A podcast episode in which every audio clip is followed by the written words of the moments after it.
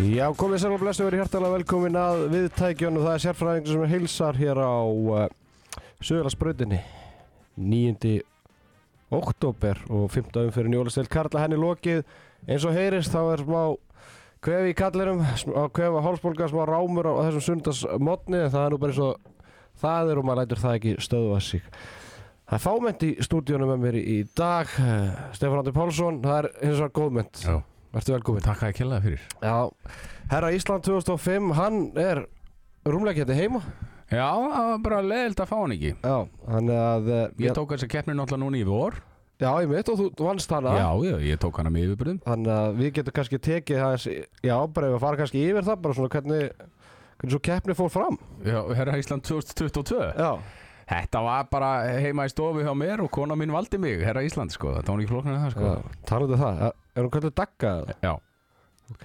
köllu dagga. Og Já. er þetta köllu tógarinn hérna í vinnunni hjá mér. Nú, Já, það er svo, ég er að vinna með svo mörgum bólvíkingum já, Og í gamla daga var fristi tógari í Bólungauk sem hétt Dagrún. Já, og er ekki lengur til. Og það, og það er þetta, fólki finnst mjög fyndið þegar við erum að tala um konuna mína í, í hátegismatnum og, og það, hérna einhver samstarfsmaður mín segir hérna hvað er að frétta tógaranum og þá erum við að tala um konuna mína það er bara mjög gott. Já, gott. Já, alltaf, út á landi stemmingin, sko, hún er alltaf góð. Já, út á landi, ég er náttúrulega utan á landi Ég sá nefnilega ekkert um hann, hérna, Facebook eða þá varst eitthvað, talar eitthvað, varst að posta mynda koninu og maður hvort þú að skrifa gugga eða eitthvað og, og tengdafabbiðin var alltaf annað sótur. Já, hann var ekki, skildi ekki brandarann hann held, hann held bara einhvern veginn að ég var að skýra hann þetta var alveg vandarlegt þetta var eitthvað nætuvakta grín hjá mér og hann skildi þetta alls ekki sko. Ég var að, ég á þetta í- þetta screenshot í símanum, ég var ekki að fara yfir þetta og fann, sá þetta Já, bara það fyrir var alveg gert alveg vel grína mér hérna í, í, í sko þáverandi setnibilgi grúpu Þetta er ekki eðlilega gott. Já, Herðu, við ætlum að fara yfir fymtu umferðina sem lauk í gær og lögutaskvöldi en hún hófst á fymtuta þannig að þetta er orðin svolítið gamli leiki sem við ætlum að fara yfir. En við ætlum að reyna að rifja þetta upp allt saman en, en uh, við ætlum að byrja á ásöldum á leiknum sem að lauk uh, já, það sem að umferðin lauk í gergvöldi og við ætlum að uh, hafa samband við Theodor Inga Pálsson, Tetta Pónsu og þess mátti gaman skita, ég er ekki ennþá mann að heyra í honum. Nei frá því að Já, ég er hérna til staðar bara til þess að reyna að Allan- hjálpa ykkur í gegnum ykkar samband. andlegan stuðning en, Já. en já, ég hef ekki heyrt í honum eftir að hann gaf mér hraða 30 í setnibylgin í síðustu viku þannig að það sjá hvort hann byggðist afsökunar eða hvað. Sjáum hvað þetta segir. Já, góðan að blessa. góðan að blessa hann Theodor Sæll Theodor Sælir, drengir, byrju, er þetta, er þetta sápustykki Já, með það? já, það er bara stábarinn í mættur hérna. Þáttur í gerkvöldi og hérna fekk mér nokkra ískalda eftir þáttinn og er mættur hérna á sundarsmotni ekkert vesinn á mér. Ég veist, harka með, átlega að passa, átlega að passa eins og við. Já, þakka ekki alveg fyrir það. Ég ætla að færa með þessar á símanum bara, þannig að þetta heyrist ekki. gaman að heyri ég þetta minn. Það er nú, ég hef ekkert búin að heyri ég er í rúmlega viku. Nei, nei, já, kannum bara, hérna... Gefa honum bara, geð, það er bara flott hjá þér að gefa honum sveigurum Já, já, það er svo að segja tíminn læknar öll, sár, eða svona í flestum tilfellum, en vonandi gera það í þessu tilfelli líka. Já, já Logi var nú ekkert alveg sammálaðir hérna í gær með hraðan sko Þannig Nei, nei, nei, það er bara, hérna, við förum yfir þetta. þetta ég held að það sé bara engin sammála um að hraða þannig að- Nei, Nei við erum reyndar alveg hérna Fanna var nú sammála með í síðast. Já, já, það var einhver það var, það var bara svona byrjandar örðuleikar hjá honum að fyrsta þætti og svona. Já, ég get sagt ykkur það hérna kæru hlustundur að við erum búin að ákveða það að þessir tveir menn er að fara í kaplöp og það verður tekið Já. upp. Og sínt í setnibilginu 60 metra braut og kaplöp Já, Þe- Þessi parti verður kliftur úr þættir sko. Þetta er alveg hreinu. En þetta við ætlum að ræða hérna stórleik uh, hauka á afturlinga sem fram fór í DB Sengur höllin í gær þar sem afturling fór með sigur á hólmi 27-26 bara svona til að byrja með kemur þessi úsleitið þeirra á óvart Uh, nei, í sjálfu sér ekki sko. þú veist, maður svona fyrirfram með hvernig þetta búið að þróast uh, hjá, hjá þessu liðum hinga til að alveg við bara mjög jöfnum og, og spennandi leik sko. og hérna þannig að það er dótti afturöldinga megin kannski kemur ekkit ekkit eitthvað, maður er ekkit sjokkar það skilju, en, en að sjálfsög fyrir þá að fara á ásöldu og vinna það er náttúrulega risa stort fyrir þá sem að sá ekki leikin svona hvernig þróaðist leikurinn og, og af hverju vann afturlík leikin Já, sko, þetta byrjaði með þannig að haugarnir voru með frumkvæði til að byrja með. Og, og hérna voru bara svona, já, voru mjög þétti varnarlega og, og sóknarleikur gekk bara svona allt í lægi og, og svo er það í rauninni kannski um miðbygg fyrirháleik sem að svolítið nær svona frumkvæðin í leiknum. Þá hérna Blær Hinriksson mjög öflugur á, á þeim kabla, Íhór Kopsinski í hotninu mjög góður sem leðis En það sem kannski helst gerist á þeim kabla er að Jóhann Kúkabatt rekkur í, í gýrin svo kallega og er eiginlega bara frábær frá þeim kabla og er henni bara út leikin og hérna afturhalding nær svona frumkvæðinu svolítið á, á þeim kabla og, og nær svona að halda því eiginlega bara út leikin haugarnir ná svona að jafna þetta nokkur sinnum og, og kannski bara vantaði aðeins í, í, í lokin hjá hjá haugunum að Guðmundur Bræði var svolítið að draga vagnin þarna hjá þeim en það var lítið annað að frétta. Að meðan að hjá afturhendingu Blær var mjög góður í 50 myndur dróðaði saman í, í lokin en voru framlega frá Bergvin Gíslasinni voru framlega frá Einar Ríka á línni og Íhór í, í fyriráleik og náttúrulega hérna Jóhann í, í markinu þannig að hérna já, ekki bara segja að svona fleiri lagt sín lóða vóðskalnar hjá afturhendingu heldur hjá haugunum Þú talar um að Jón Kúkubat hrokki í gangsanga á tápi stats er um átt að varða bolta er, er það rétt? það eða? er, Nei, það er bullshit Já. Já, hva, á, á vísi var hann með miklu fleiri bolta sko Já, já, var hann ekki með eitthvað 17 bolta eða eitthvað þar, sko, eða þú veist, já, eitthvað 16, 17, 18 eða eitthvað. Það er, naflinn var á á þeirri tellingu og við gaupi lýsingunni vorum allir sammála því að hún var rétt, sko. Ha, ég held að hann hafi skráð með fjóra bolti í hálfleik, sko, sem er náttúrulega bara bull. Já. En, en að samanskapi Tallingin að snabla er rétt, myndi ég segja. en er þá talning Stefán Huldar í markinu með 5 varða bolta eða haugum með 80% markvæslu er hún rétt eða?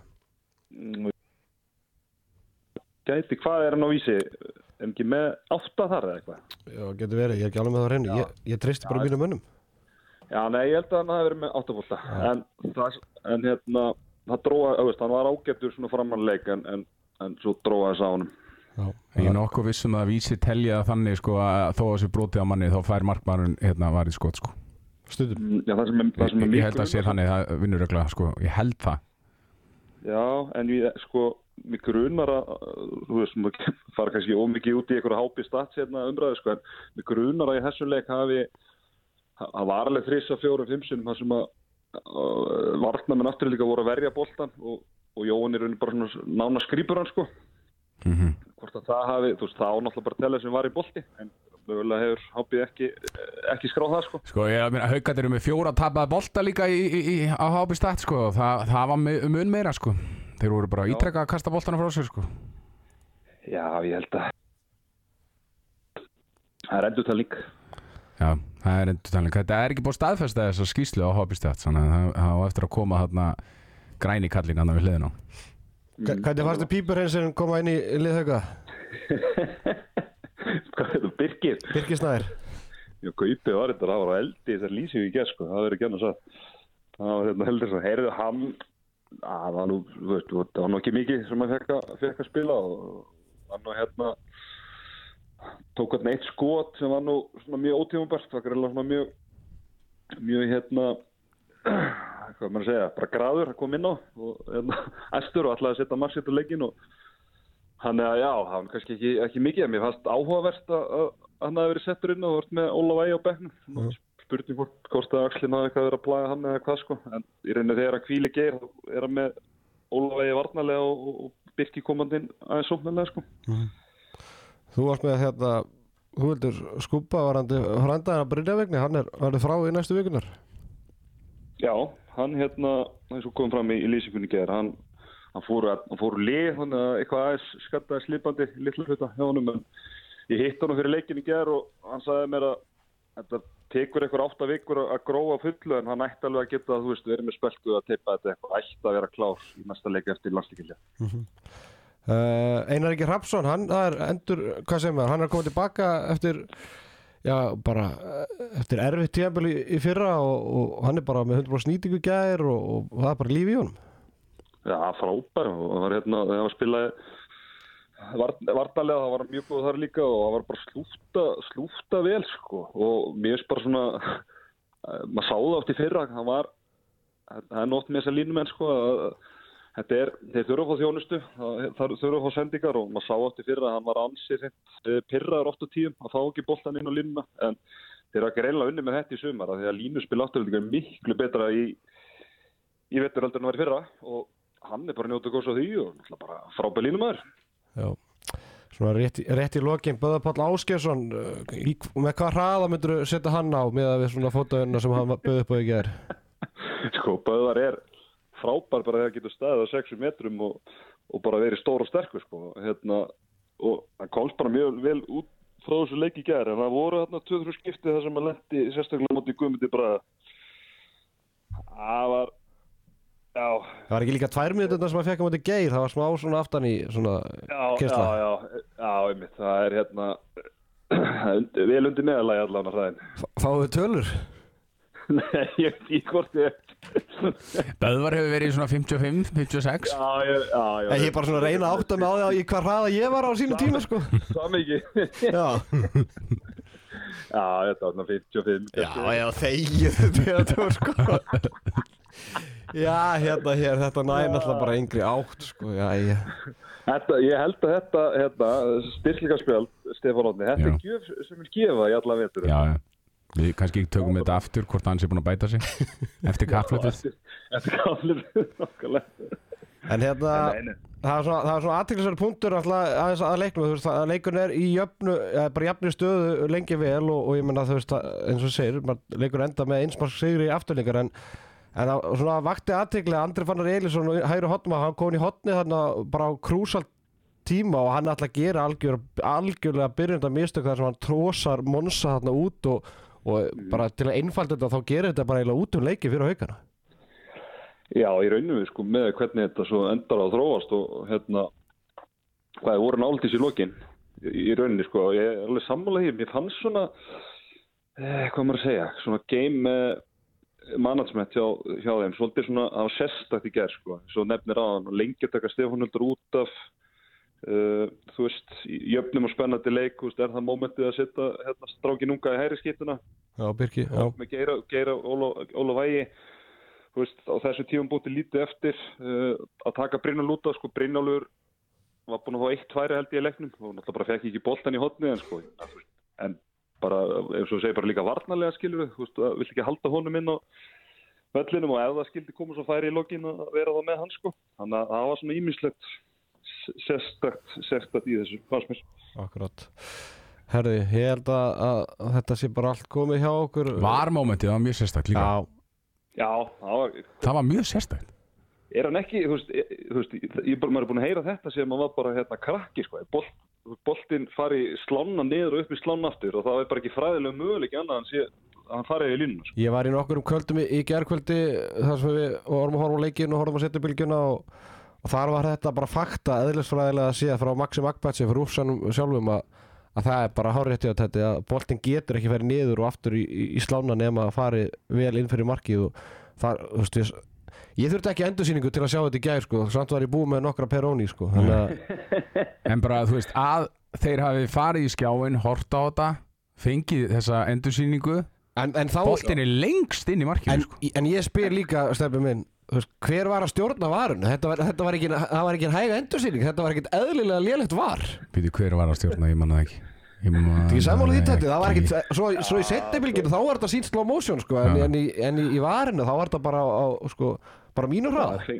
En við allan að við sáum þetta í útsendingunni samt sem áður. Já, Þú já. Þegar það var sínt Sko, við, við sáum alveg saman og dómarinn sá og, og þú þú veist, ég þurfti bara að sjá þetta einu sinni þó að þetta hefði nú kannski ekki verið besti, besta myndist það sem ég sé, sko, að, að þessi bolti var inni, sko. Já, eina, eina sem að, þú veist, Þorvar gerir kannski mistökin er að hann ætla að dæma ekki mark þannig að ef hann ætla að dæma mark eftir varið þá þarf hann ætla að vera 100% viss og það er- voru öll fyrir okkur að segja þú veist, það var náttúrulega engin var lína eða slíkt, skilur við mig þannig að þú veist, Nei, nei. en hann hefði pottet viljað sjá það sama og var sínt í setjubilginni skilur við mig, en þú veist, en það var eiginlega engin frosið minn sem að sá Nei, ég skil þannig að þú Ég er alveg sammála að dómarinn þurfa að vera 100% það viss þarf að að- vera Já, 100% en, en já, ég hefði alveg treyst mér í að vera 100% viss um að þessi bolti var inni. Já, ég ætla að taka það í efa. Ég held að þú verður aldrei 100% það sem eftir er, er að lífunu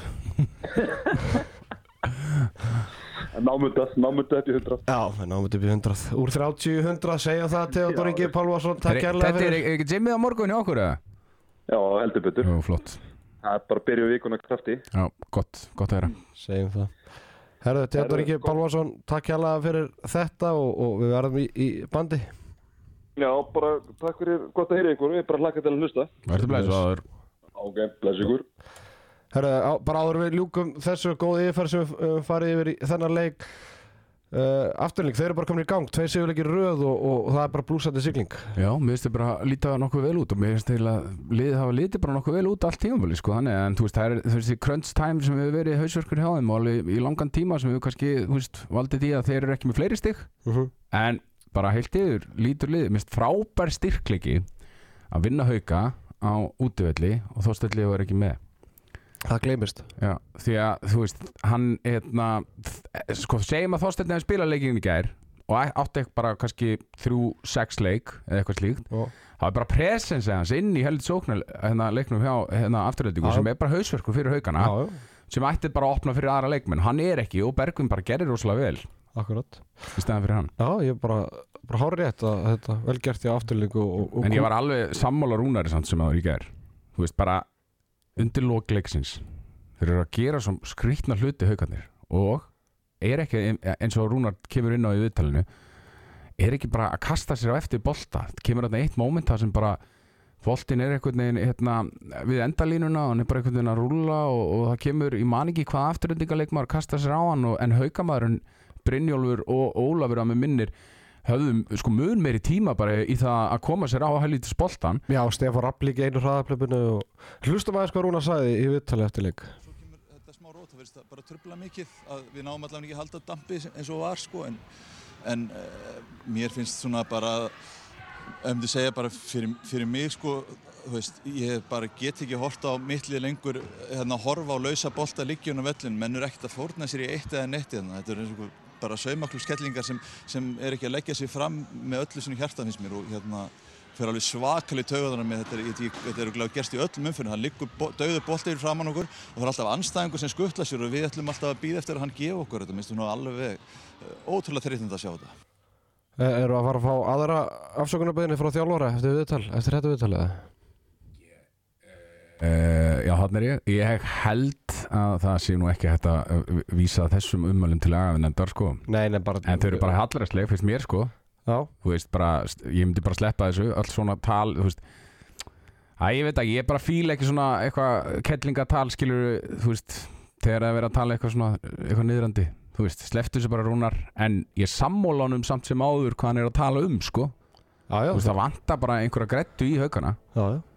Skilur. Og, og ég meina, þú veist, það segir bara sér sjálf með fullur vinning fyrir ír að, að, ég meina, þú veist, við sjáum það bara hvernig úrslitin á ír hafa verið undanfærið uh, umferðum og það gerir sigur ír á móti haugum ennþá ótrúlegri. hann er bara magnaður en hann er líka, einmitt, það er bara þetta er áfællistómur yfir haugunum. og verður bara verra og verra með hverju umferðin sem ír drullar á bak, sko. og síðan er líka bara haugarnir þeir eru með Guðmund Braga, hann skorur 11 og 12 síðan eru bara aðrir menn ekkert sérstaklega mikið með Geir Guðmunds, 4-9 Stefán Rapp skorur 3 mörg Andri Már, 3 3 mörg og 6 skotum, skilur Heimir Óli 3, maður vil fá kannski 4 frá honum 5 jafnvel, þá vinnur leikinn, sko, ef það kemur eitthvað, þú veist, Geir aðeins meira Andri Már töluvert meira því að hann á að vera miklu betra en að skora 3 mörg í þessu liði, sko. Þá vinnur leikinn. Já, já, Þetta er náttúrulega bara ge- eh, game of inches. Og þau Ég- tapa með einu. Já, Gunni Mall vildi reyndar en greinilega að þeir myndu jafna leikin með við sendinguna sem hann átti þannig ger Já, það var mjög aðteglisar sending en, en sem, sem betur fer þá hérna, kostaði ekki stíð en, en við ætlum að segja skilið við þennan leik og ætlum að vinda okkur á Ísafjörð þar sem að Hörður og Selfoss áttust við í 50 umferð í gær. Stefanunni, svona hvernig fannst þið leikurinn spilast? Þetta var var sérstakuleikur Mér fannst þetta bara mjög áhugavert og ég er landsbyðamaður Ég bjó, bjó sjálfur á Patricksfyrði Fannst þið framist að Selfoss í leiknum svona nægilega góð fyrir svona ólistelda klassa? Sko leiknum var frestað. Já, ok, byrjuðu nú við, Hva, hvað kom? Var Það- ófært uh, Já, það var ófært, ófært með flugleðinni Já, en með akstursliðinni Nei. Ég get sagt þér það kona mín var á Ísafirði í gær. Hún fór að hérna, hvernakvöld hérna á Bólingavík á föstudagskvöldinu Það hefur verið fjölmennt þar. flög, Það hefur verið fjölmennt þar. Ja, það var endar mjög fjölmenn og, hérna, og hún flög út þangað á föstudeginum og ætlaði að fljúa heim á lögutunum og það var semst hérna, fluginu var aflýst. Og ég held mér að þetta hafi verið sama vél og selfisingarnir semst vélinn sem átti að koma frá Reykjavík og sækja konuna mín og koma með hana heim var semst vélinn sem selfisingarnir áttu að vera í. Og hérna, hún kerði síðan bara heim Já, já á pínu litlum bíl pínu litlum Og bíl finnst sko. þér ekki líklegt að leikurinn fari fram í dag eða? nei, hann fyrir ekki fram hann fyrir fram 18. oktober að það er búið að staðfesta það Já. Ok Uh, hérna, að ég veit ekki, sko, þú veist selfinsingar, við töluðum aðeins um þetta í setnibylgjum í gær og selfinsingarnir þurfa að fara einu sinni vestur menn eiga bara að keira ég held bara að, þú veist, þú getur ekki treyst á þetta veður þú veist, það, það er, þetta er að fara að koma upp sko ítrekkað ef, ef liðin, Já, ég meina, Hörður er ekki að fara að spila einn heimaleik á réttum tíma ef öll liðin ætla að treysta á flug í oktober, november, desember, februar já. Þú veist, það er bara, það er ekki séns. Ég er alveg sammálaður Og og, og mér finnst þetta bara, það er einhvern veginn alltaf lenskan að það sé miklu erfið að keira út á land heldur en að fyrir eh, sko landsbyðar Hörður keirir alla út já, ekki, sko. já. Ég meina, ég er frá Akureyri og æfði handbolta og ég fer fyrir göng með rútu á túneringu sem lítið barn ítrekað yfir allan veturinn. Jú, þetta maður? Já, Fyrir fyrir göng. Það var ekkert eðlilega lung rútuferð sko. Hún var bara 6-7 klukkutímar sko. Ég, ég trúi því. Já, þetta er, Þannig finnst bara keirið, takkið bara ákvörðun núna. Við keirum bara í þessa leiki. Þetta er einn leikur á tímabilinu sko. það, það sko Ok. Mér finnst þetta svo ótrúlega vanhugsað hjá Selfossi Og núna, þú veist Twitter mitt logaði í gær. Það logar stundum En það logaði í gær. Ég, ég held ég ætti nokkra að vinna á Selfossi En þeim fækkaði gríðarlega. Og ég var ekki eins og með eitthvað rosalega kyndingar sko. Nei. Ég var nú bara að tala um þetta. Þetta er ekkert eðlilega vanhugsað. Já. Því að Selfoss núna þarf að fara á Ísafjörð á þriðjudegi 18. oktober já, klukkan 7 kvöldið. Ef það er ófært með flugleðinni þá þurfa þær að keira já, já. skilum við, þeir geta ekkert fresta þessu ef, ef, þeir, ef þeir komast ekki á þriðjudeginum þá er bara að fara til miðvikudags deginum eftir og ég meina þá þurfa þær að keira eða skilum við, staðið fyrir að fara bara í gærmorgun Mm.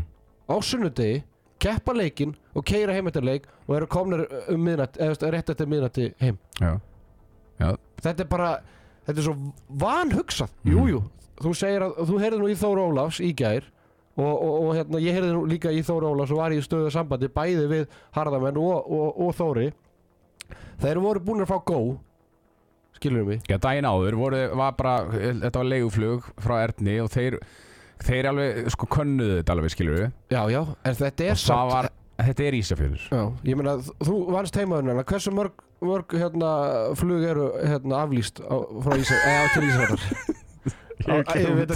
vetra tíman Ég, er bara, ég- hundrað, ég veit ekki, ég er bara ti- ég það. að mér finnst þetta bara og, og ég menna það að harðamenn sko harðamenn fengu frestununa 49 minnur fyrir leik Já.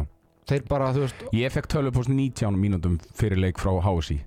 19 mínútum í fyrir leik. alvörunni Það Þú eru var- sjálf, það eru komnir sjálfbæðarlegar á, á Ísafjörð, Já, það er verið að rigga öllu upp. Þetta er náttúrulega, þetta er eiginlega ekki bóðlegt, sko. eiginlega ekki Nei, þetta er bara ekki bóðlegt. Nei, segjum bara blákaldas sannleikan að já. þetta er náttúrulega ekki bóðilegt og ég meina, vélinni þeir átt að fara kortir yfir eitt því var aflýst, þá er bara þá er þetta bara game over. Já. það er ekkert að vera að býða til þrjú þegar leikurinn á að fara fram klukkan fjögur. Það, var búið að taka ákvörðunum að, fresta honum til 5 já, já, en harðamenn fréttu það heldur ekki nema, þú veist, klukkutíð fyrir Það er leikur náttúrulega, náttúrulega samskiptin þurfa að vera tölvöld betri. Já, það er bara spurning hvort Óla Víðir hafi verið upptekið með einhver önnur störf og þá spyrum maður sig hvar á bakvæktinu Ég, þekki, ég náttúrulega þekki þetta ekki. En, en sko, mér finnst bara Mér finnst þetta bara að vera, þú veist Ákvörðun liðan að keirið bara í þessa leiki.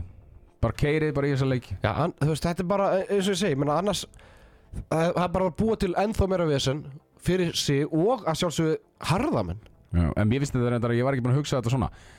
Þetta er bara bölva vesen fyrir selvisíkana Já, Skilu, þeir eru bara, þú veist Deildi byrja síðan aftur, sko, 20. annan já, Eða það er sko þáttur hjá okkur og 20. öðru- ö, annan Október. eh, Byrjar ekki umferðin eh, sko, 20. 20. 20.. Selfoss og leika föstu degi sem verður líklega þá færðu til, til lögadags ef hann annars segja leik á þriðut og föstudag Hverju eiga þeir aftur? Káa Á það er hörku leikur Já, Það er risa leikur Já. fyrir þá Þannig að þeir þurfa að fara þá á Ísafjörð átjánda og síðan eru þeir með leik aftur þá greinilega 21. sennilega þannig að ég meina þetta er bara þetta er ekki sniðut fyrir selfisíkuna sjálfa? Nei, ég er al- alveg sammála því. Og sérstaklega líka það er búið að líka í loftinu sko e- e- eins og hérna bestadeildin veist, það er bara að vera að færa leiki, að vera að flýta leikjum, að vera að senka leikjum út af þessu veðri sem er yfirvóðandi Já, skilju, þannig að þetta lá það var alveg ljóst að það væri ekkit 100% flóið það er náttúrulega aldrei 100% flóið nei, Það veist þú Stefán. Nei, ég veit Landsbyggðarmaður. ekkert um Ísafjörður reyndar, Jú, ég verður að viðkynna það. Ég bjó á Patró, reyndar en ég bara hef bara eins og komið Ísa Við förum yfir það einhvern veginn síðar. Herðu, segjum skiluð þennan leik. Ég, ég ætla en ég ætla samt að bæta við, það er náttúrulega enginn að leika sér að þessu. Þetta eru mistök og, og selfisíkar Mér finnst það bara vanhugsað. Þú veist, það er bara rosalega einfald að segja bara, herru, við ætlum að fljúa í leikir og við treystum það, skiljum við Já, en djúvill fá selfisingar í bakið sko. já, algjörlega, þetta er bara eiginlega vest fyrir þá Já, auðvitað hundlegelt fyrir harða menn ég get ekki spila einn hin, helvitis heimaleik á réttu tíma. Ég vona bara liðin í deildinni læra af þessu líka núna. Já, fyrir maður nú vera sko. Herru, vindum okkur til Vestmenna Það var eh, fært til eiga og gott betur en það. En það er spurning hvort að stjórnumenn hafi fengið það illa í bakið því að þeir nánast mættu ekki til leiks. IBF fór illa með stjórnuna 36 27 þar sem að eh, já, eigamenn voru betri á öllum vikstöðum væga sagt. Markaðistur hjá eigamennu var Rúnar Kárasson og Arnór Viðarsson með 8 mörg hvor Arnór með 100% nýtingu? Petar Jókanovic frábæri með markinu með 39% markvöðslu hjá stjórnunni markvöðslan aldilega ekki gott. Adam Torstensen þrjú varinn skot og Sigurður Dan þrjú. Allt í samkvæmt HP Stats. Mm. Markaðistu stjórnumanna Hjálmtýr Alfreðsson með nýju mörg og nýju skotum og Björgur Þór Holgersson sex mörg úr tíu skotum. Herru, byrjum þetta á eiga liðinu Stefán, uh, innkoma Róbert Sigurðarsson í, í vörn IBF ég er bara rosaleg. Já, það bara síndi sér strax í fyrsta leik. Já, bara rosalega, eh, hvað, hann hefur komið sjö lögleg stopp í fyriráleik, enda með 12 og líka bara, bara þú veist, mér veist, lögleg stopp segi ekki alltaf allt skilur, bara, þú veist, að hafa hann, þú veist, í vörninni, hann kannski er að færa leikmenn yfir til Ísaks og hann tekur á móti manninum skilur, þannig að, þú veist, bara nærvera hans í vörn íbjöða fyrir rosalega og ég held að, að til að mynda, þú veist, hann gerir skotin sem Petar fær á sig erfiðari. Mhm. þar alveg ver kannski Petar fleiri bolta. Uh, ég held að þetta er bara risa faktor fyrir IBF og ég held að Ísak og Róbert geti myndað þrista par og ef Petar stendur sér nokkuð vel ég er ekki einu svona beðið um að hann sé í sko, hann bara 32-3% þá getur IBF farið alla leið Mhm. Og ég meina að þetta hefur líka áhrif á það að Rúnar Kárusson, hann getur kvilt þá aðeins meira varnarlega þá allavega fært sig í bakverðin og ég tók saman tölfræðinu hjá Rúnar Kárusson í upphæðamóts, hann er með 61 skot í fyrstu 5 leikjunum, Mhm. það er greinlega engi skotverkir hjá honum Mhm. og hann er markaðasti leikmaður deildarinnar fyrir þá leikmaður sem hafa ekki tekið víti mm Mhm. hann er með 0 marka víti, Einar Rafn Eðsson er markaðasti leikmaður en enda vítaskiptin í káliðinu Mhm.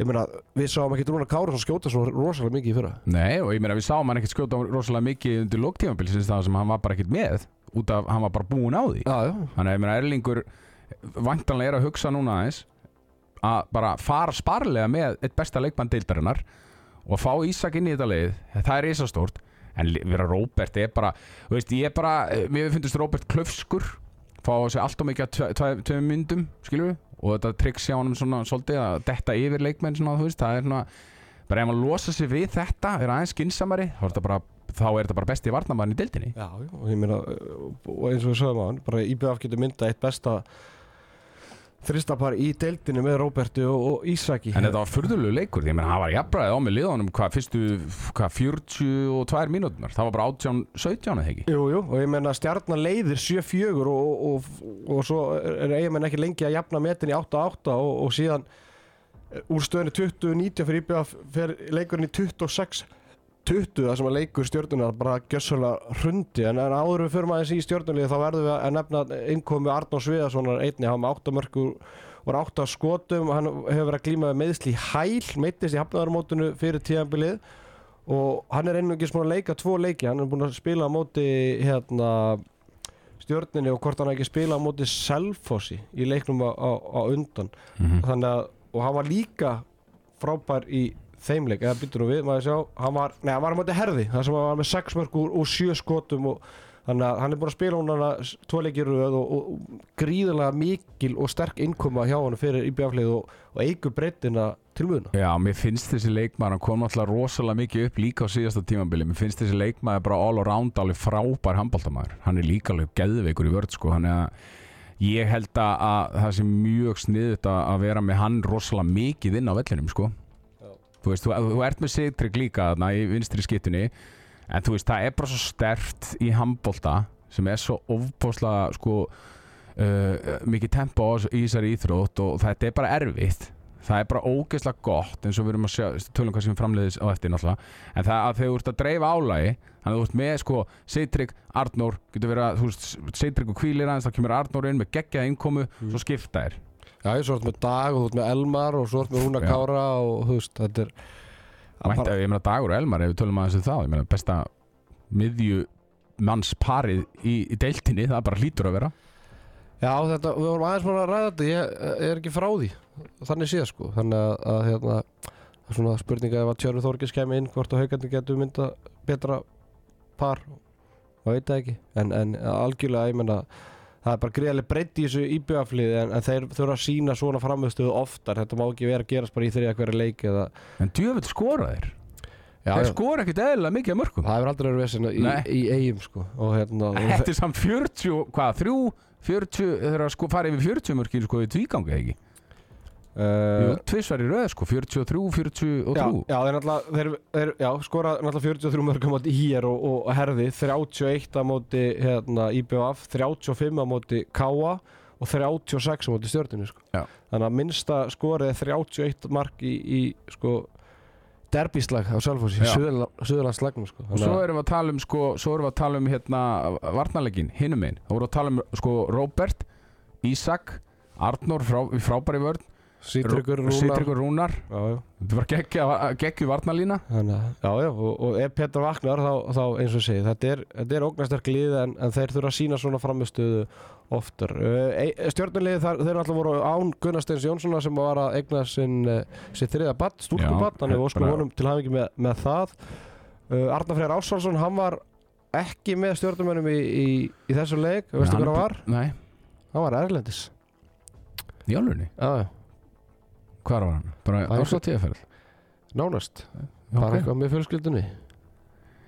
Já, þetta er, fyr, mér finnst þetta, þetta er þetta, Svona er bara, bara, bara Þetta er ekki faglegt bara, sorry. Nei, nei, ég, og menn, menn fela sér baku það að þetta hafi verið vita fyrir tímabilið.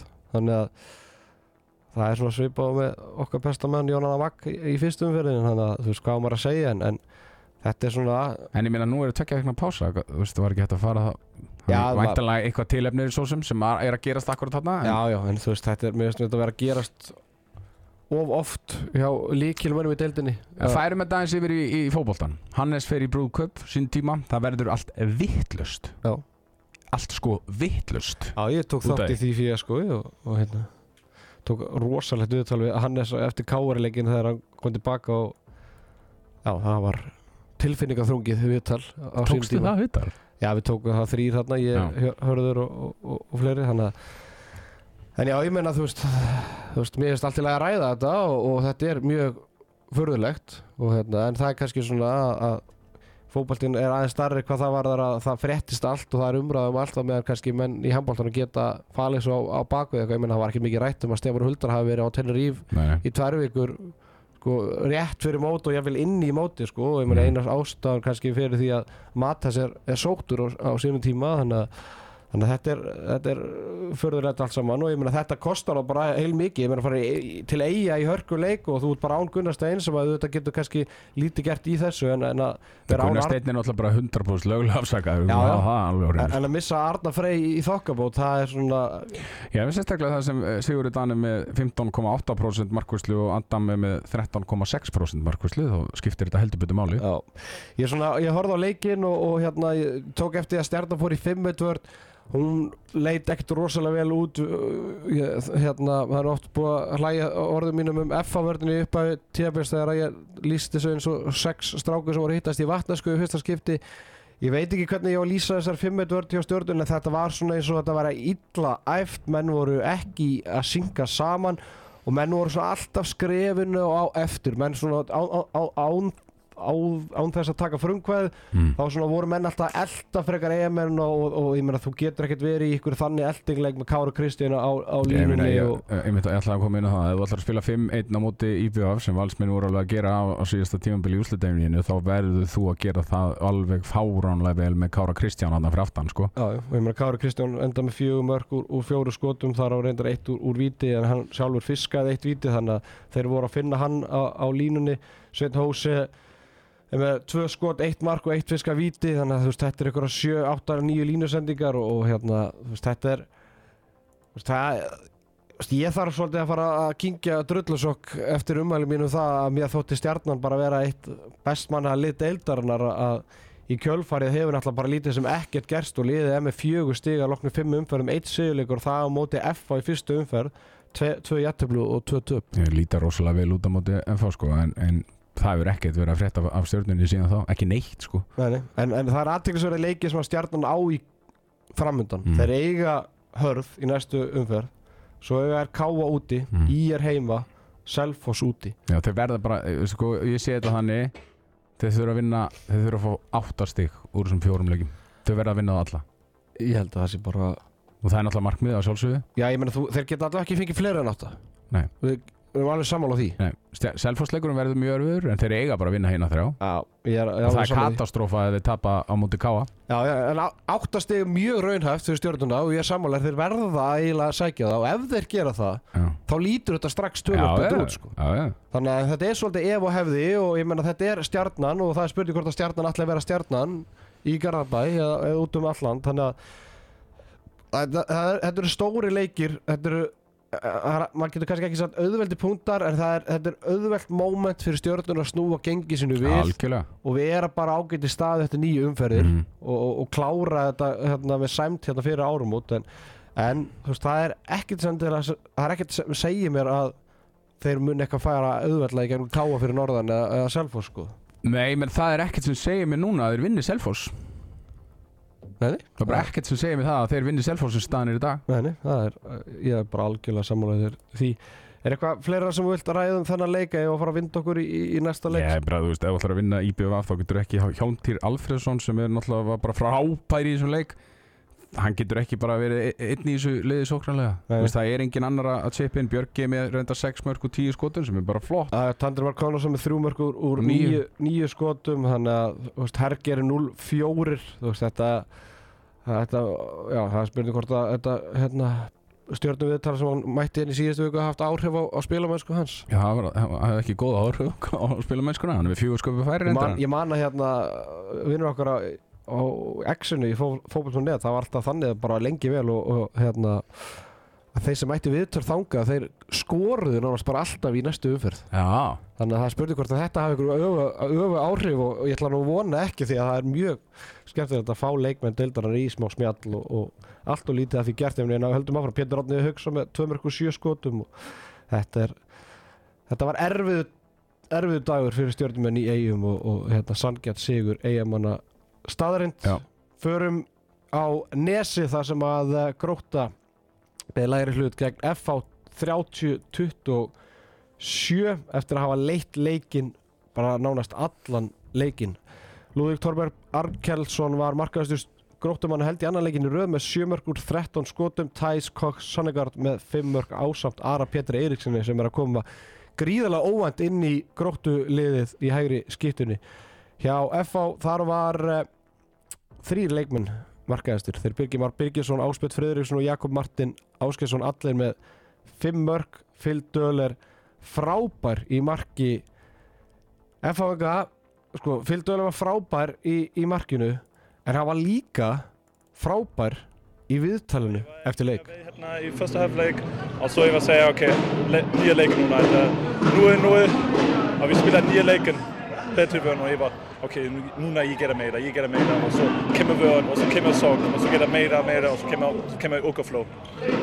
Ja, var var nog mycket bättre. Det kommer frumkvite för och vi vantar såna frumkvite i förra halvlek och så vi mäta i Vettlen. Vi var inte mäta i förra halvlek och så kommer frábært í segna mæta í uppáhalds orðið mitt í þessu viðtali Die meid kwijt voor ook Klibette. Ik heb me from kwijt voor ook. Uh, ja, van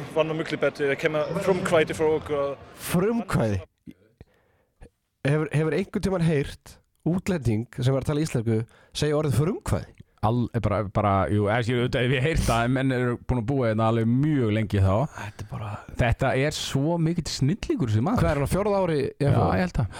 Þetta er bara, hann vinnur í grunnskóla í Hafnafyrði og er bara, þetta er bara, ég sko dáist að því að hann segja mæti við til að tala bara íslensku. Ég ætla að gefa mig það að hann sé að hlusta á handkastið. Já, vonandi já, og fel bara til, bara, er bara geggjað að hlusta á íslenskuna þeina og Já. bara þetta er ekki vottur af kaltæðinni hérna sko bara, Já. hann er frábær sko þetta er bara Phil Döler hann er svona eða veist, hann bara hoppaði ekkert eðlilega hátt upp bara svona stíðan hjá mér Já, hann, hann sko. mætti í viðtal til okkar við vorum með útsendingu á síðasta tímambili í Kaplakaka, F.A. Haukar uh, og þá mætti hann í viðtal bara í betni til okkar Kristín tók viðtal við hann og bara geggjaður sammála því. Herðu, fyrsti sigur FH á tíðanbylunu Já, það er magnað náttúrulega. Hver hefði trúað því þegar að við sáum leikjaniðröðuna hjá FH og þeir áttu stjörnuna afturlíku val fram gróttu að eftir fimm umferðir værið búin að ná í einn sigurleik. Ég hefði ekki trúið því. Nei, bara alls ekki, ég hefði bara haldið ég náttúrulega bara held með að undirbúningstímambili, þeir myndu vinna stjörnuna í fyrstu umferð, já, þeir voru bara ekki nálátt í að vinna stjörnuna næstu tveir leikir, afturölding og, og Valur, ég meina Valur ég, þú veist, þeir við hefðum kannski ekki tippað að þeir myndu vinna Val en, en, klárlega afturöldingu og, og síðan hérna hver að fjóruleikurinn áttur? uh, fram Já, fram, klárt fyrirfram bara stig 2 á FH sammála því. Herðu, þetta var ótrúlega leikur þar sem að gróttum en þeir leittu bara lengi vel. Grótta sjálfsög án Birgisteins Jónssonar sem var að taka út leikbann þannig að hann er eiginlega bara basically búin að vera bara án eða gróttu búin að ána síðustu tveimur, í tveimur leikjum. Uh, Mér finnst bara grótt að vera bara með öll tök á þessum leik. Já, já, þeir gera það. Og ég meina í stöðunni 6-3 þá, þá klikkar Ágúst Emil hraðaplöpi sem geta komið um í 7-3 í stöðunni 14-11 er þeir manni fleiri þar sem Andri Þór Helgason klikka víti og í næstu svo kasta Tæs Kokk Sannleikar boltanum út af. Þarna hefur auðvitað ko- skorað eitt og jafnveg tvö mörg og komið þá í 15-11 eða 16-11 og, og, og úr, að- úr stöðunni 16-12 þá verður staðan í hálfleik 17-14 fyrir Gróttu, Grótta heldur áfram í, í setna hálfleik og, og kemst í 19-15 en þá verður svolítið viðsnúningur og F-fáingar minka munin í 20-19 svo bara undir leiks á náttúrulega bara stíga menni svo Áspjöld Freyriksson upp Leonhard, uh, Jakob Martin stelu boltanum af Lúlla þarna þegar Lúlla er að keira upp í svo Þetta seinna var alveg tempó. risa moment Þetta Já. var risa moment Því að gróttakat minkaði eitt, eitt, já, þarna í stöðunni 24-26 þá var Lúlla að drippla upp boltan uh, og, og Jakob Martin kemur aftan á honum stelur boltanum og, og F-fangar komast í 24-27 en það var ennþá líf í já. því að þeir skoru tvö mörki röði kjölfari og minga munni 26-27 og geta jafnað Mhm. skilum við, þetta var, var, þetta var eins og, var eins og, eins og kett, eða, kísur Já. með ykkur, hvað, nýju líf eða sjö líf eða hvað hva, hva er kísur? Níu líf. Níu líf. Þannig að en þegar upp í staði þá klárur F-fangar þetta og hérna Phil Döler eins og var ekki áskjáður sem sagði þetta er að gera hann bara, hann klárar hann leik hann, hann gerði það sko En samt líka svo knarlega Þá fór þetta að ganga miklu betur Þegar eina sindra kemur inn á Og, hérna, og, og áspjöld fyrir bara í vinstri skiptuna og hann fyrir inn á, á miðjuna og, og, Egil Magnússon fór bara bekkin það fór sóknarleikur að ganga miklu betur og miklu meira flót í honum og þeir voru bara mjög klókir að dæla boltanum inn á Jón Bjarnar sem skoraði sín mörk á ógslag flottum tíma.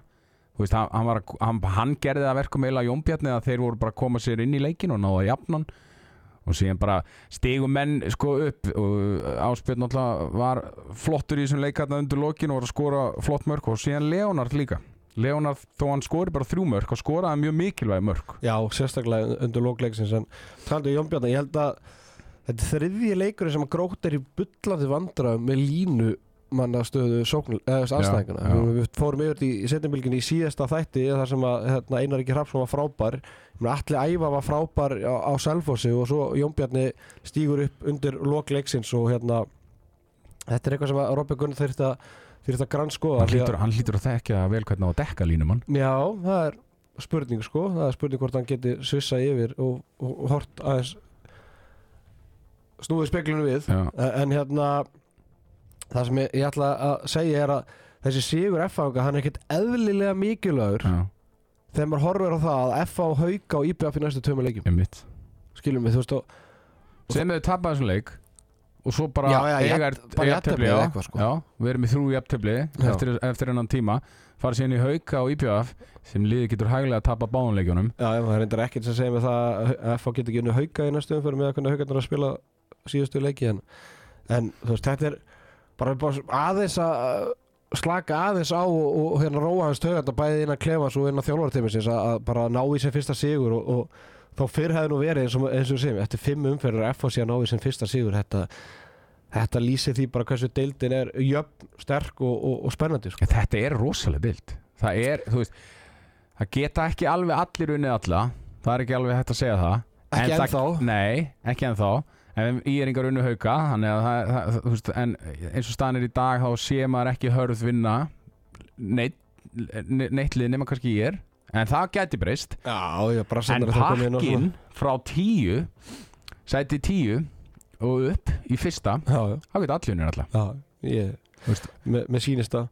En, en að sama skapi, þú veist maður svona hefur smá ég ætla ekki að segja beint áhyggjur en, en gróttulegið sem er búið að tala nokkuð bara jákvætt um, svona í fyrsta skipti í, í þrjú ár innan setjabilginar og, og, og fleiri stöðum að þeir eru Við töluðum hellingi ákvæmt og grótt og þeir, þeir eru á leiðin í fram val hauka í BF í næstu fjóru leikum Framval hauka IBF, já, sæl Birgir Steinn náttúrulega er að koma inn. Jú, jú, vissulega og, og hérna, en, en þetta eru þetta eru fjórir gríðarlega erfiði leikir. Fram gróta verður frábær handbóltalegur Já, já, Það verður frábær handbóltalegur og hann verður jafn.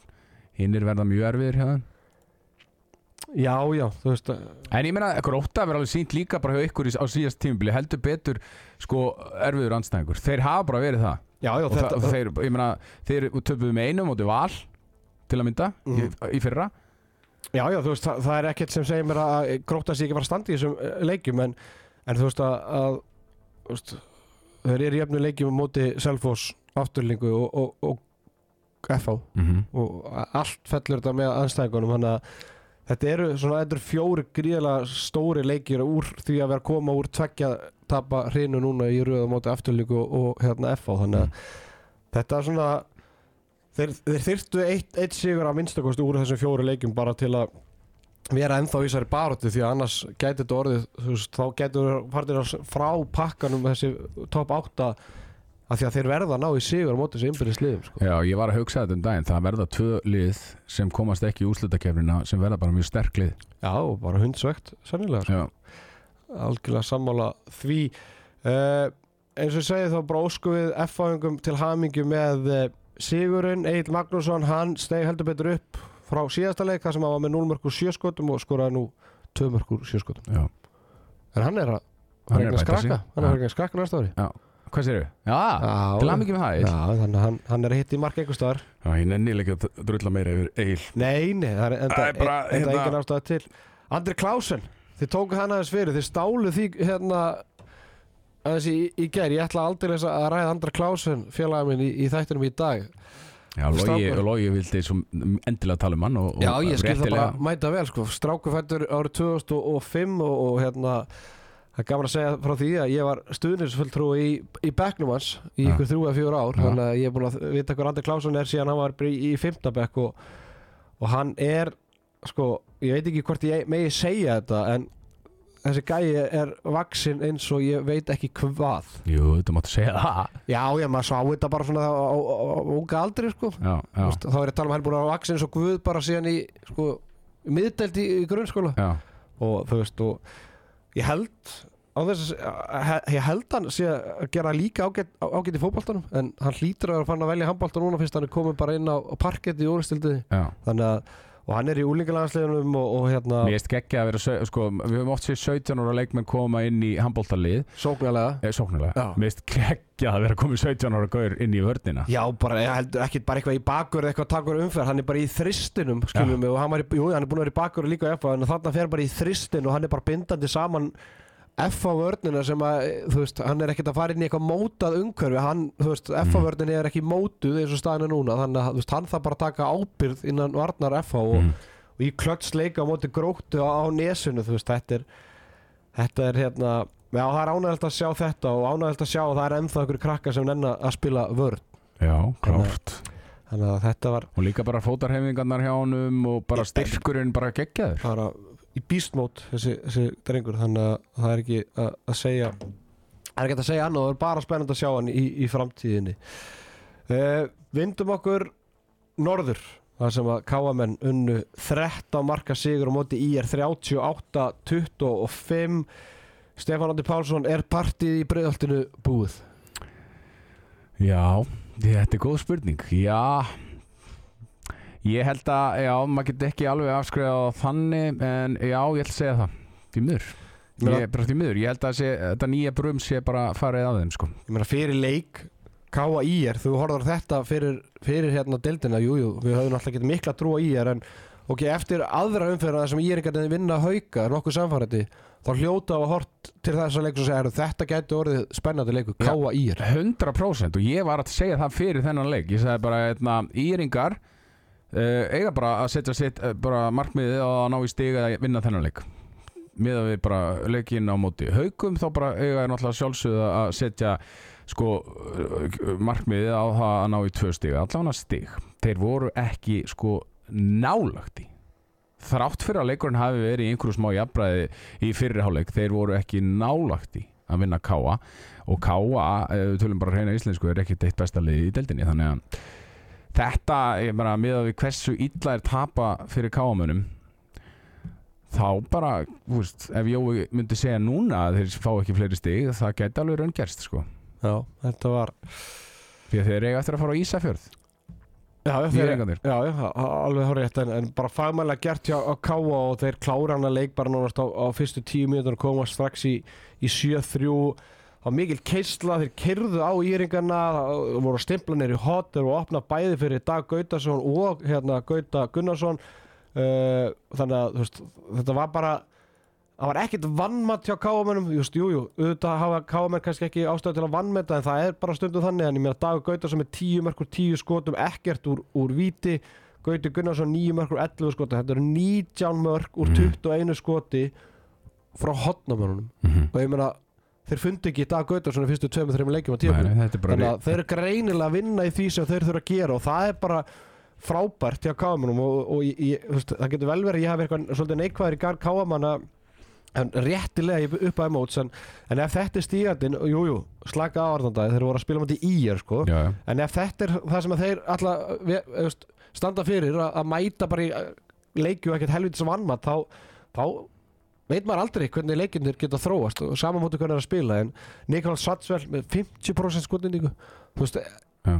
segir þetta ekki ágætla um skot í er eitthvað í leiknum Jú, jú, jú. bara með fullar verðingu 25 varðir boltar Jú. það er rosalega 25 fengið á sig 25 varði 25 varðir boltar á hápi stats er ekki, ekki alveg eins og til dæmis á vísi sem við teljum þar að, bara að- öll skot sko. 25 þýðir að þeir vinna actually boltan þeir fá boltan sko. já, þannig að þeir það- verja þeir verja boltan uh, já, mér finnst þetta eru geggið tíðindi fyrir káamenn varðandi hótnamenn Dag og, og Gauta og Einar Rapp með 19 en sko ég ætla ekki að missa mig ykkur í ákvæðinni þannig, þetta eru frábært tíðindi fyrir þessa þrjá sérstaklega hótnamennina en ég meina, þú getur ekki verið með þrjá menn sem bera bara algjörsamlega upp sóknarleik liðsins, þú verður að fá Allan Norberger 0-3 já, já. Patrikur Stefánsson tekur tvö skot, skorar eitt Patrikur reynda með engan tapaðan bolta í þessum leik sem er bara frábært. Býtur við hann með þrjá hérna skráða hafði stats. Ok, hei, þá er ég með ég er með útprenta hérna. 0 já, ok. Uh, hérna, já, ég myndi vilja sjá þú veist, Ísak, hérna Arnór Ísak Hadsson ekki, eitt skot, ekkert mark. Bara, ég bara, þá er ég að hugsa um sko í næstu leikjum. Já, en, en Dagur Átni Heimisson, hann var mikið talað um hann eftir leikin og vissulega skora bara eitt markur einu skotin Sjö með sköpi fær og fimm stóðsendingar og, og eitt viska vítið þannig að frábært fyrir að hann er 16 ára. Hann er 16 hann er ára. 16 ára sko. En algjörlega saman, ég var vorast til að Patrikur Stefansson myndi stígu upp í þessu leik. Þú veist, og myndi ná einhverju sjálfstöðstíð nei, nei, eitt mark og tveimur skotum og, og þrý tafa boltar, þetta er bara þetta var ymmit leikur, hann er með 5 sköpu. Já, já, En þetta er einmitt leikurinn fyrir Patrik til að stíga aðeins upp og koma með svona fá smá sjálfströst og, og bara skjóta markið eða reyna að finna sig í gegn. Stóðsendingarnar eru þrjár skilur kannski bara aðeins fleiri. Hvernig fannst þér hérna nýju búningarnir að ká? uh, nú bara er stólið úr mér hvort það hefur verið í æfinga eða ekki. Þeir voru nýju. Já, ég bara tók ekki eftir. Nýju gulumar og fullt af auðlýsingum og Ég tók ekki í eftir. Ég er búin að vera að væla yfir þess allt Ég held tíma að enga lífið ætla að taka þetta fyrir. Já, já, já. Æ, ok, en þá get ég spurt út í brotið á Úlgunnari Kjartasinni Já. Brotin Þú Já, veist náttúrulega að þetta voru tvö Já, brot ég, ég veit það, en ég veit ákveðum bara að taka hérna, það grófa, grófara Já, og svo síndu þau mynd af hinnu Já. Þetta voru tvö sitt hvort brotin Það vissi ég er en drekki Nei, ég tók eftir því í þettinum og þið heldur að þetta væri saman brotið. Þetta er sitt hvort brotin gerist út í hotni þar sem að maður lappar inn og hitt var já, Ok, smá skita, ég við ekki það núna. Já, þetta En, var sikkert brotið, sko. Ok, þannig að hann gerir þetta tvissvar með kreftum nefn já. Já, það er, þetta er ekki hægt Þetta er bara fáránlegt. Þetta er gjörsamlega fáránlegt. Maðurinn er bara að kýla Alan Norberg, þá er í tvígang. Ok. Já, haldi áfram. Já, bara hérna, við fórum yfir þetta í gerkvöldi og Lógi Geirsson sagði hann þetta, hann byrjaði náttúrulega á Twitter að segja hann þetta fá fimmleikjabann hann dróði aðeins úr því, sagði hann þetta fá þryggjarleikjabann og ég veit að þetta komið inn á uh, borð hjá framkvæmdastjóra HSI sem mun síðan sapna gögnum þannig er vir- uh, fyr- fyrirkomulagi og, og hérna og, og, og, bara ákveða hvort þetta veri sko sendt á aganemnd sem ég tel nú eiginlega allar líkur á því að þetta fari fyrir aganemnd, ég trúi nú ekki öðru. En þetta á bara ekki heim í handbólta Þetta er bara ótrúlegt og, og ég þekki nú Úlf Gunnar Kjartarsson ekkert rosalega mikið og hef ekkert mætt honum eitthvað oft í gegnum tíðina en svona maður Ég hef ekki tekið eftir þessu samt í hans leik hingað og ég er bara stór efast um að hann hafi verið eitthvað stunda þetta skilum við, hvort hann hafi átt eitthvað erfiðan dag í engarlífinu eða hvað, það spurning hvort þú takir hann bara í, Í ég, engarlífið ég er að fara að taka upp tvo engalist þetta á miðvikudaginn Já, það er spurning að bæta við þriðja?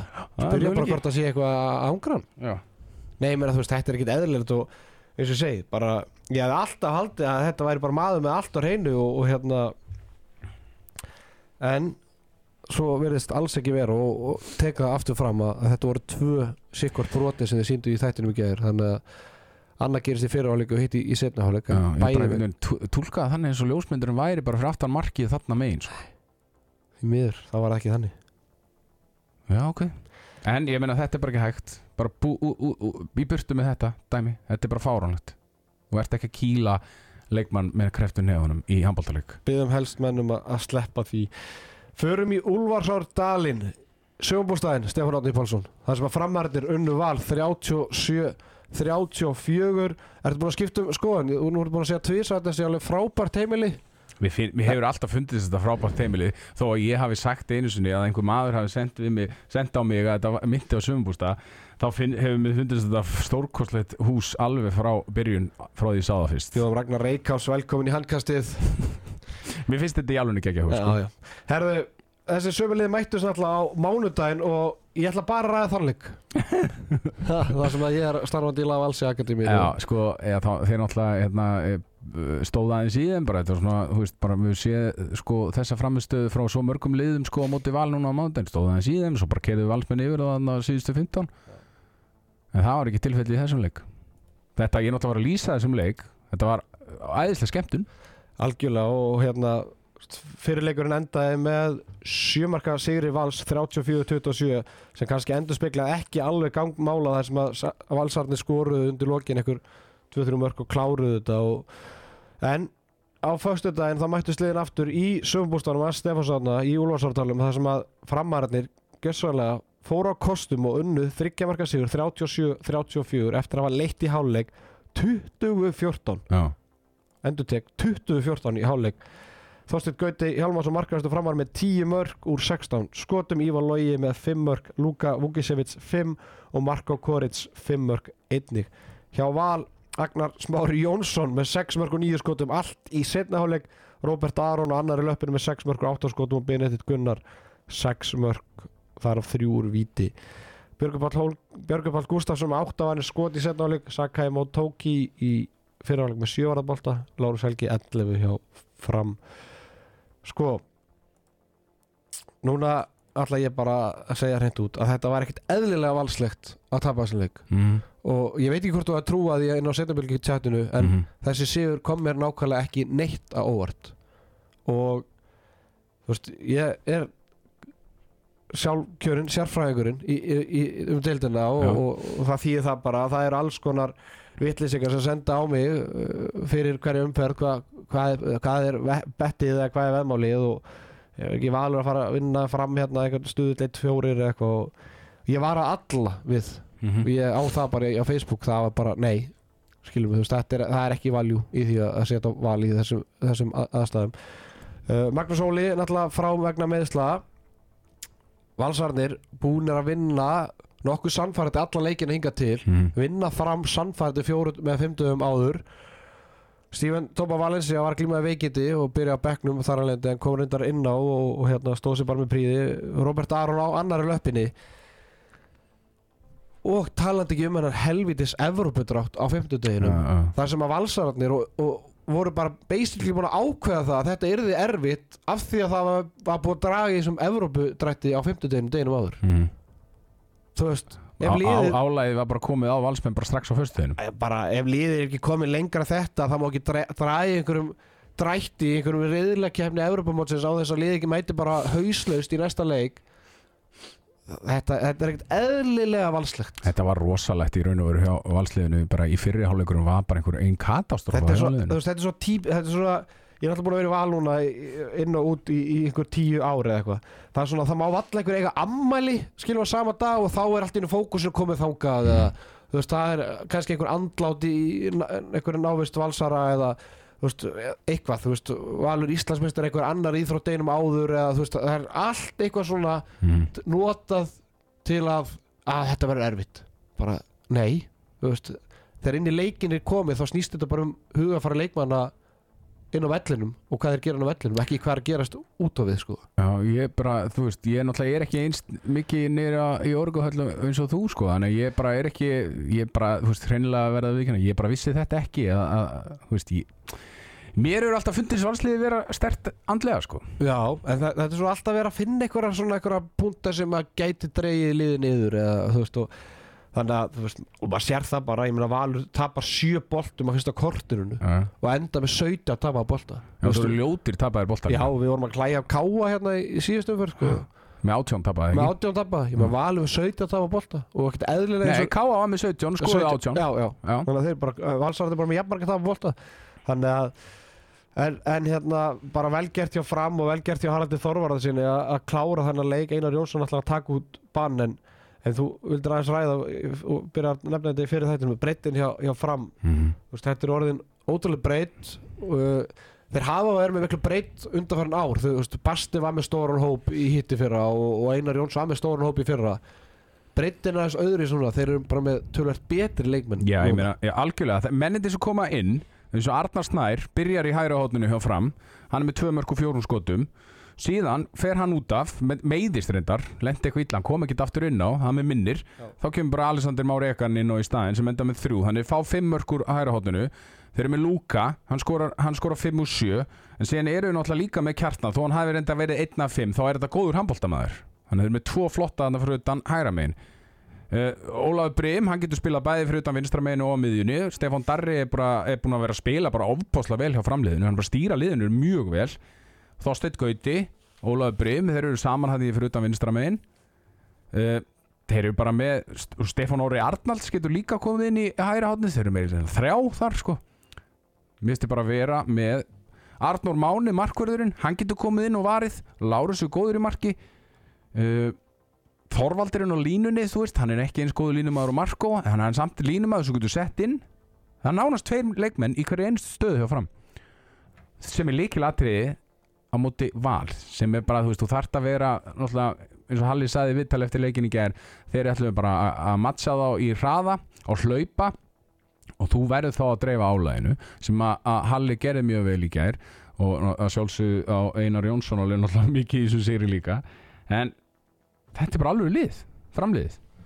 Algjörlega samanlega því og það er svona virðist vera það að útlendingalóttu hjá fram sé að ganga upp eftir allt saman að, að umtalið um Luka Úkisevits fyrir tíðabilið var ekki með marga fiska og, og ég greip það heldur betur á lofti á þess að, jú, ég sá hann í Ragnarsmótinu þar sem hann vakti ekkert gríðarlega lukku en, og, og, og maður heyrði það bara utan á sér frá framörum að það var ekkert menn voru ekkert allt og vissir en, Nei, það er svona eins og hann sé bara einhvern veginn að spila sig inn í þetta og, og Og ég heyrði líka í, í, af frömmurum sko fyrir tímambilið að þeir voru sko töldu að Marko myndur nú koma fljótlega inn í, inn í liðið og vera bara sína fína framistu en að Lúka þyrfti kannski uh, ég veit ekki 7-8 umferðir já. svo komið sér inn í lið. Það og sem betur fyrir var fram með þeim tíma með Kjartan Júliusson því að veist, ef Luka hef einungis þurft að fylla skar eh, Vilhelms Pálsen og þurft bara að spila þá er ekkert endilega að þetta þróast í sömu átt eins og þetta virðist vera þróast í Nei, sko. þannig að uh, en að samaskapi setniháleikurinn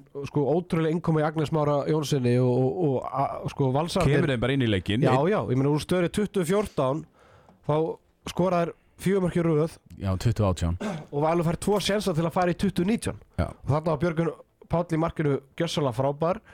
Uh, tvísa sem í setnáleik kemst Valur í, í sók til að jafna en sko, e eða, eða alla var fram sem klikkaði en þeir náðu frákastinu kjölfærið og skoru og komast í tvö Mhm. skilum veist, það var skot Björgi varði en Ívalogi eða, eða hver sem er náðu frákastinu og komast í tvö þarna, þarna var kannski momentur valsar jafna, jafna, jafna. mm.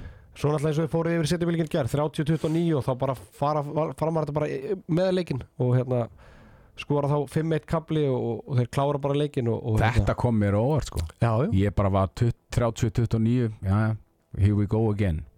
Valur að fara að klára þannan leik og ég held mér þess að Valsmir myndi vinna hann að lókum með kannski 3-4 mörgum þarna bara fóru framararnir bara síndu geggjaðan karakter fóru ekki á taugum eins og ég held þeir myndi gera og bara skiluðu þessum sigri sannfærendi í hús mjög sannfærendi undir lókin Já, ég ætla nú ekki að þykjast við einhvern Nostordamus og, og segja það að ég hef búist einhverju sannfærið sigri fram en það var einhver sem sagði mér allavega að þetta erði ekki auðveldu leik fyrir val og, og, ég, og ég menna að þú veist en að sam, þú veist, þegar að í setnáleikum þá hugsaði bara, herðu, ok, framarðin eru bara að kasta þessu frá sér alveg svo er gerðu basically í valshöllinni Mhm. sko, þú veist, þeir, þeir voru miklu jafnara leik þar heldur en raun bara vitna og hvernig sáleikur enda þannig að veist, ég hugsa bara, shit,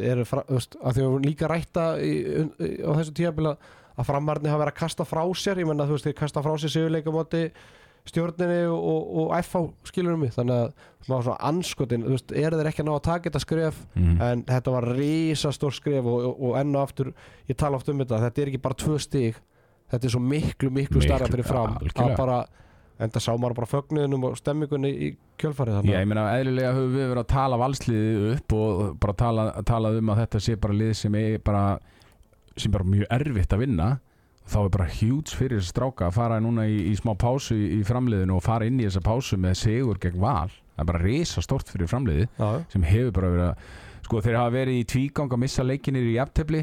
Þeir þeir getur bara verið á topnum sko með val. Já. Þú veist, þeir eru bara búin að vera virkilega flottir. Og bara í bara mjög spennandi lið og, og, og, og aldur samsetningin á þessu lið þetta er mjög ungt lið með Marko Koric og Láru Selke sem eru svona, svona Lalli er náttúrulega, þú veist, elstur og, og Marko Koric er 27 minnum Já, já, Stefán Darri hefur smá aldur og, Já, já. og, Þorstur Gauti er svona bara fínum aldrei Þetta er bara, en finnst þetta við lið á frábærum aldrei sko. Já, bara al algjörlega sammála því bara vel gert framarar að hafa klára valsmennu og gott fyrir deildin að valsarni sé ekki bara að sigla þessu í höfn bara allt og þægilega og allt og auðveldlega. Svo töluðum við náttúrulega um Reynir Þór Stefansson í gær hjá fram. Það er bara eins og að renni ekki í honum blóðið sko. Nei, ætla, er líka 17 já, ég ætla að vona samt að blóðir enn eitthvað í honum. Nei, ég er bara að tala um það, það er bara, það er ekki eins og hann sé 17 ára gammal að spila í efstu deildamóti sjöföldum misturum vals sko. bara þvílíkt rólegur og, og er ekkert að stressa sig. Hann er ekkert eitthvað fljótasti maðurinn í heiminum. Tóka ofta eftir í Þó ekki með hraða 30 Nei, nei, kannski þú veist, 75 síndast mér en sko, þú veist, hann fekk boltan fóð bara svona, svona hægt í árás beð bara eftir hvað valsmaður myndi gera. Svo tók hann bara rétt ákvörðun. Bara mjög róleg og, og yfirverð þarf ekki alltaf að gera allt mjög hratt í handbolta sko, bara að gera réttu hlutina sko. Algjörlega. Herðu, áður sem skilum þetta þá Evrópa álæði hjá Val og, og, og Evrópu drátturinn hjá, hjá Val hann ætla að dreigi þennan riðil í, í síðustu viku og, og hérna ég var með minn drauma riðil og ég var ekkit víðs fjarrri þetta var ótrútt, ég vildi fá Flensburg ég vildi fá Ístað og ég vildi fá Benendorm Já. Ég vildi reynda líka fá Fúsi Berlín á, áður en ég vissi að það mætti ykkur tvö, eh, tvö lið frá sama, sama landin í, í þannig að, þannig að eh, en ég fekk að eins og ég segi, ég ég spá upp í valsefil núna þegar mér hundlegist og, og fæ að í kokkabækunar hjá, hjá þeim meisturum sem þar eru og, og sideline sem er þú veist svona uh, forrið sem að þjálfar að nota og til að klippa og svona, þú veist, svona kalendir fyrir íþróttalegmenn til að vita hvernig æfingarnar eru og svona, þú veist, ég sá kalendirið hjá Val næstu vikundar og bara í oktober november. Nei, ég meina þetta er þetta er geðviki sko. Þetta er það, það er sko, það er leikur þrítagar, leikur, Mm. tveitagar leikur, þrítagar, leikur, tveitagar leikur, þrítagar þú veist, þetta er þetta er eitthvað miklu meira en við búumst við. Já, og það er svona jú, jú, Valur spila á mánudaginn leikum átti fram sem átt, eh, átt að fara fram í februar aðeins til að minka álæði ég spyr bara hvort að Valur og HSI hefði ekki þurft að færa fleiri leiki. Já, því að það er, það er búið að færa umferðar, hvað er verða yfirleitt hvað núna sunnudag á mánudag já. bara næsta umferð er- er Vansleikinnir verða á, föstudögum og Evrópuleikinnir eru á þriðjudögum þannig að þetta er yfirleitt sko þriðjudagar, föstudagar, þriðjudagar, föstudagar Já, þú getur, verið, þú getur líka verið að spila á þriðjudegi Erlendis náttúrulega Já, ég er að segja það, Já. þannig að þeir getur verið á þriðjudagi Erlendis komið heim á, á sko, setnipart miðudags æfing, eða sko ég veit ekki hvað hundi leikur á fösti Já, er og og svo er bara leikur á fösti og svo er bara lögadag, sunnudag, mánudagur leikur á þriðjudagi þetta segja það er leikur þrítaga, leikur tveitaga, leikur þrítaga, leikur tvei og og það er svona, maður svona spyr sig hvort að HSI og, og Valur hefði ekki þurft að, tala sig aðeins betur um og spila aðeins fleiri leiki núna í upphafi tíðabils jafnvel einn eða tvo í viðbót mm. bara til að ég meina, til að gefa val aðeins meiri sjens því að þessi. Evrópadeild gefur íslensku handbólta ekkert eðlilega mikið og bara íþróttinu sko. að sjálfsög eiga á sambandi er náttúrulega að hjálpa liðum í Europakefni það er bara 100% þannig þú veist, þeir eiga bara að gera eiginlega allt til fyrir þessi lið þannig ég held að þetta,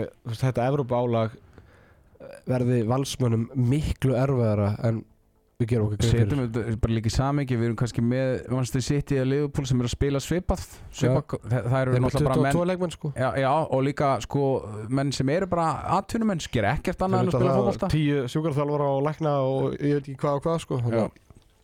Þetta er rosalegt sko. Já, ég held að, að það, þetta gæti orðið bara frekar ljótt. Mm -hmm. á einhver tímpúti þá er ég að tala um meðslalega síð eða þreytulega síð eða þannig að ég hefði til að mynda með Robert ef ég hefði verið snorri ég hefði ekki spilað hann mikið annað á fyrstæðin sko. hann var bara greinilega sko, ekki, hann var bara meittur sko. Já, já. Svo er það Svo er það Herðu, við erum búin að gera upp 50 umferðinu Ólistil Karla og förum við upp úr riðlunum Já, eða, veist, ég Það fer eiginlega bara eftir nú, nú, nú tala ég við og, og við, við, Við Valsmenn. tala já, Já. við valsmenn því að Við erum að allir- við ja. erum að eigum allir að, all- allir að halda með val í þessari Já, Evropakefni sjálfsögðu Ég held að það sé alveg nokkuð ljóst En eins og segi, ég, ég, Ef allir eru heilir og það væri bara leikur á vikulega fresti og eitthvað svona Bara, já, hví ekki mm. En þú veist, það er bara ekkert sem bendir til þess að Magnús Óli geti klárað alla þessa tíu leiki pluss deildarleikin og Robert Aron og þú veist Aron Dagur þarf að stígu upp og, og, og, og fleiri sko glemtir þetta að nefna þetta í setnibylginu í gær en það verða allir leikirnir í beinu útsendingu og stöðtu sport. Búm. Og, og við verðum með uh, sett í, í Órygóhöllinni á heimaleikjónum og við verðum í, á Suðurlandsbrautinni með sett og, og uppbyttun og komum inn í háluleik og eftirleik þegar að Valur spilar út í leikina. Verði ég beinni frá Beðan Dorm eða? við, Ég er alltaf að reyna að skoða það, já Ég verð á Beðan Dorm Þú verður á Benidorm. Það verður alltaf í Það þá ekki? bara, jú, klárt, ef þú ert, á- ef verður í Benidorm þá tökum við bara hérna, Skype. Já, bara, bara klárt, Vá. 100% sko. ánæg með það. Herðu, ég setti í smá heimavinnu fyrir þáttinn. Ég baði um að velja topp 5 lista yfir þá leikmenn sem hafa komið handsápunni hvað mest á óvart í þessum fyrstu 5 umfyrum Já. og við byrjum bara. Leikmaður nummer 5 Sko, em, ég er náttúrulega eh, er alltaf erfið því með þessa lista þannig ég ætla að, vill alltaf reyna að vera eitthvað smáfrumlegur. Þannig ég ætla að byrja á nummer 5 það er Þorsteinn Gauti Hjálmarsson hjá Fram. Og Þ- Þorsteinn er frábær handbóltamæður var fítn á síðasta tímabili en mér finnst eins og ég var að með minni þú vorum að hitta upp fyrir hérna, deltakefnina þá var ég með hann á einhverjum lista hjá mér að þetta væri leikmiðar sem ég vildi sjá meira frá minni mig. Og hann hefur sannlega sínt með það og hann er að leiða þetta framlið uh, frábærlega. Og að mínu mati til að mynda framistæðan hans á förstudaginn er besta framistæði hjá leikmanni sem ég hef séð á, tímabilinu hingað til. Mér fannst það frábæri í þessum leik. Bæði sóknarlega, mér fannst það geggjaður í vörð Hann var að stela boltum, geggjaður stóðsendingar. Og hann hefur komið mér aðeins óvart Hvað hann hefur tekið þetta skref sem ég vildi hann myndi taka Og hann hefur gert það Þannig að mér finnst hann, það hefur komið mér smá á óvart Hvað hann er einhvern veginn að stíga upp. Ok, samþygt Leikmaður númer fjögur. Höldum áfram í fram, það er Reynir Þór Stefánsson. Töluðum aðeins um hann áðan. Hann kom aðeins inn í framlið á síðasta tímabili og Einar var að gefa honum fullt af mínútum og stundum var ég bara svona heyrðu, er, ert að gera honum ert að gera honum einhvern greiða með að vera hann inn og mér fannst hann ekki alveg tilbúin einhver, best, einhver besta vítaskitt að deildarann eins og ég sá, uh, sá hann á síðasta tímabili hann bara klikkar allavega á víti. Núna, aftur á móti er þessi 17 ára drengur að sína mér að hann getur farið ekkert eðlaða langt í handbólta og hann er bara, þú veist, hann er með handbólta heila uh, hann er með góð skot hann er ofbóðslega skinsamur hann er með skinsemi og ákvörðartökur eins og sko, þú veist, bara 35 ára gauður sko, eða 34 ára gauður. Reynir Þór Stefánsson, númer fjögur. Þá er hann leikmaður númer þrjú. Já, og þetta er leikmaður sem er frábær handbóltamæður og hefur verið það. Hann hefur verið mjög óheppin með meðsli Einar Sverrisson hjá Selfisingum hann, ég er náttúrulega maður ma bara svona, þegar maður sá hvað Selfoss voru að missa marga leikmenn uh, þá held ég, eða, þú veist, var það nöðsynlegt að hann myndi stígu upp og verða uh, eitt besti leikmaður deildarinnar. Það hefur komið mér svolítið óvart að mér veist Einar Sverrisson búin að vera besti leikmaðurinn í ólisteildinni til að byrja með hér í fyrstu umfyrunum þó að þeir spiluður endur ekki núna í, í fymtu umfyrunni þá hefur mér fundist að hann spilaði ekki einu sinni í, í fyrsta, fyrstu umfyrinni en þessi þrý leikir sem hann hefur spilað hann hefur verið gjörsamlega geggjaður. Og það hefur komið á óvart hversu ofbóðslega samfærandi hann er og hversu ótrúlega góður hann er að koma inn í þetta tímabil. Og það hefur komið mér aðeins á óvart. Leikmaður nummer tvö. Því að þú ert með slögt á mæknuðinum. Leikmaður númer tvö.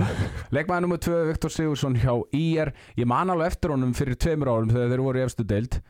Eh, ég, ég get ekki, ég ætla ekki að ég samt að ljúga það ykkur ég muni vel eftir honum en svona eitthvað mann smá, svona, já, það var einhver ungu strákur þannig í IR uh, Hann bara ég vissi ekkert mikið um hann þannig samt. Og hann hefur bara komið óvart að þetta alveg bólir og þetta er alveg leikmaður og, og, og frábær skotmaður, hann er með geggjaðar árásir og ha, gæði hans hafa komið mér svolítið óvart.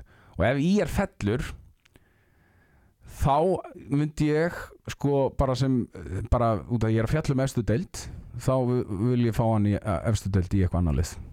Ef ég er fellur sem nú, já, líkur á því reyndar en við erum að tala hreina íslensku Herðu, efstur á lista yfir þá leikmenn sem hafa komið handsápunni hvað mest á óvart í ólistildinni hinga til. Já, ég vil aldrei ljúga það fólki. Og ég hafði ekki hugmyndum hvaða leikmaður þetta var fyrir þetta tímabil. Jakob Ingi Stefánsson hjá Gróttu. Ég vissi ekkert hver þetta var. Og Arnar, þú saði mér bara í byrjun tímabils hver þetta er. Og ég, hérna, og, og hérna hann hefur komið mér ekkert eðla mikið óvart sko. Hann er búin að vera útrúlega flottur Já, ég skotnýtingin hans er líka ekkert eðla Góð sem sko. bara að klika einu skoti Já. Þannig að já, og bara á breytin þarna í vinstra hotninu hjá Gróttu er bara frábær því að Andri Þór Helgarsson er líka mjög góður hotnamaður já.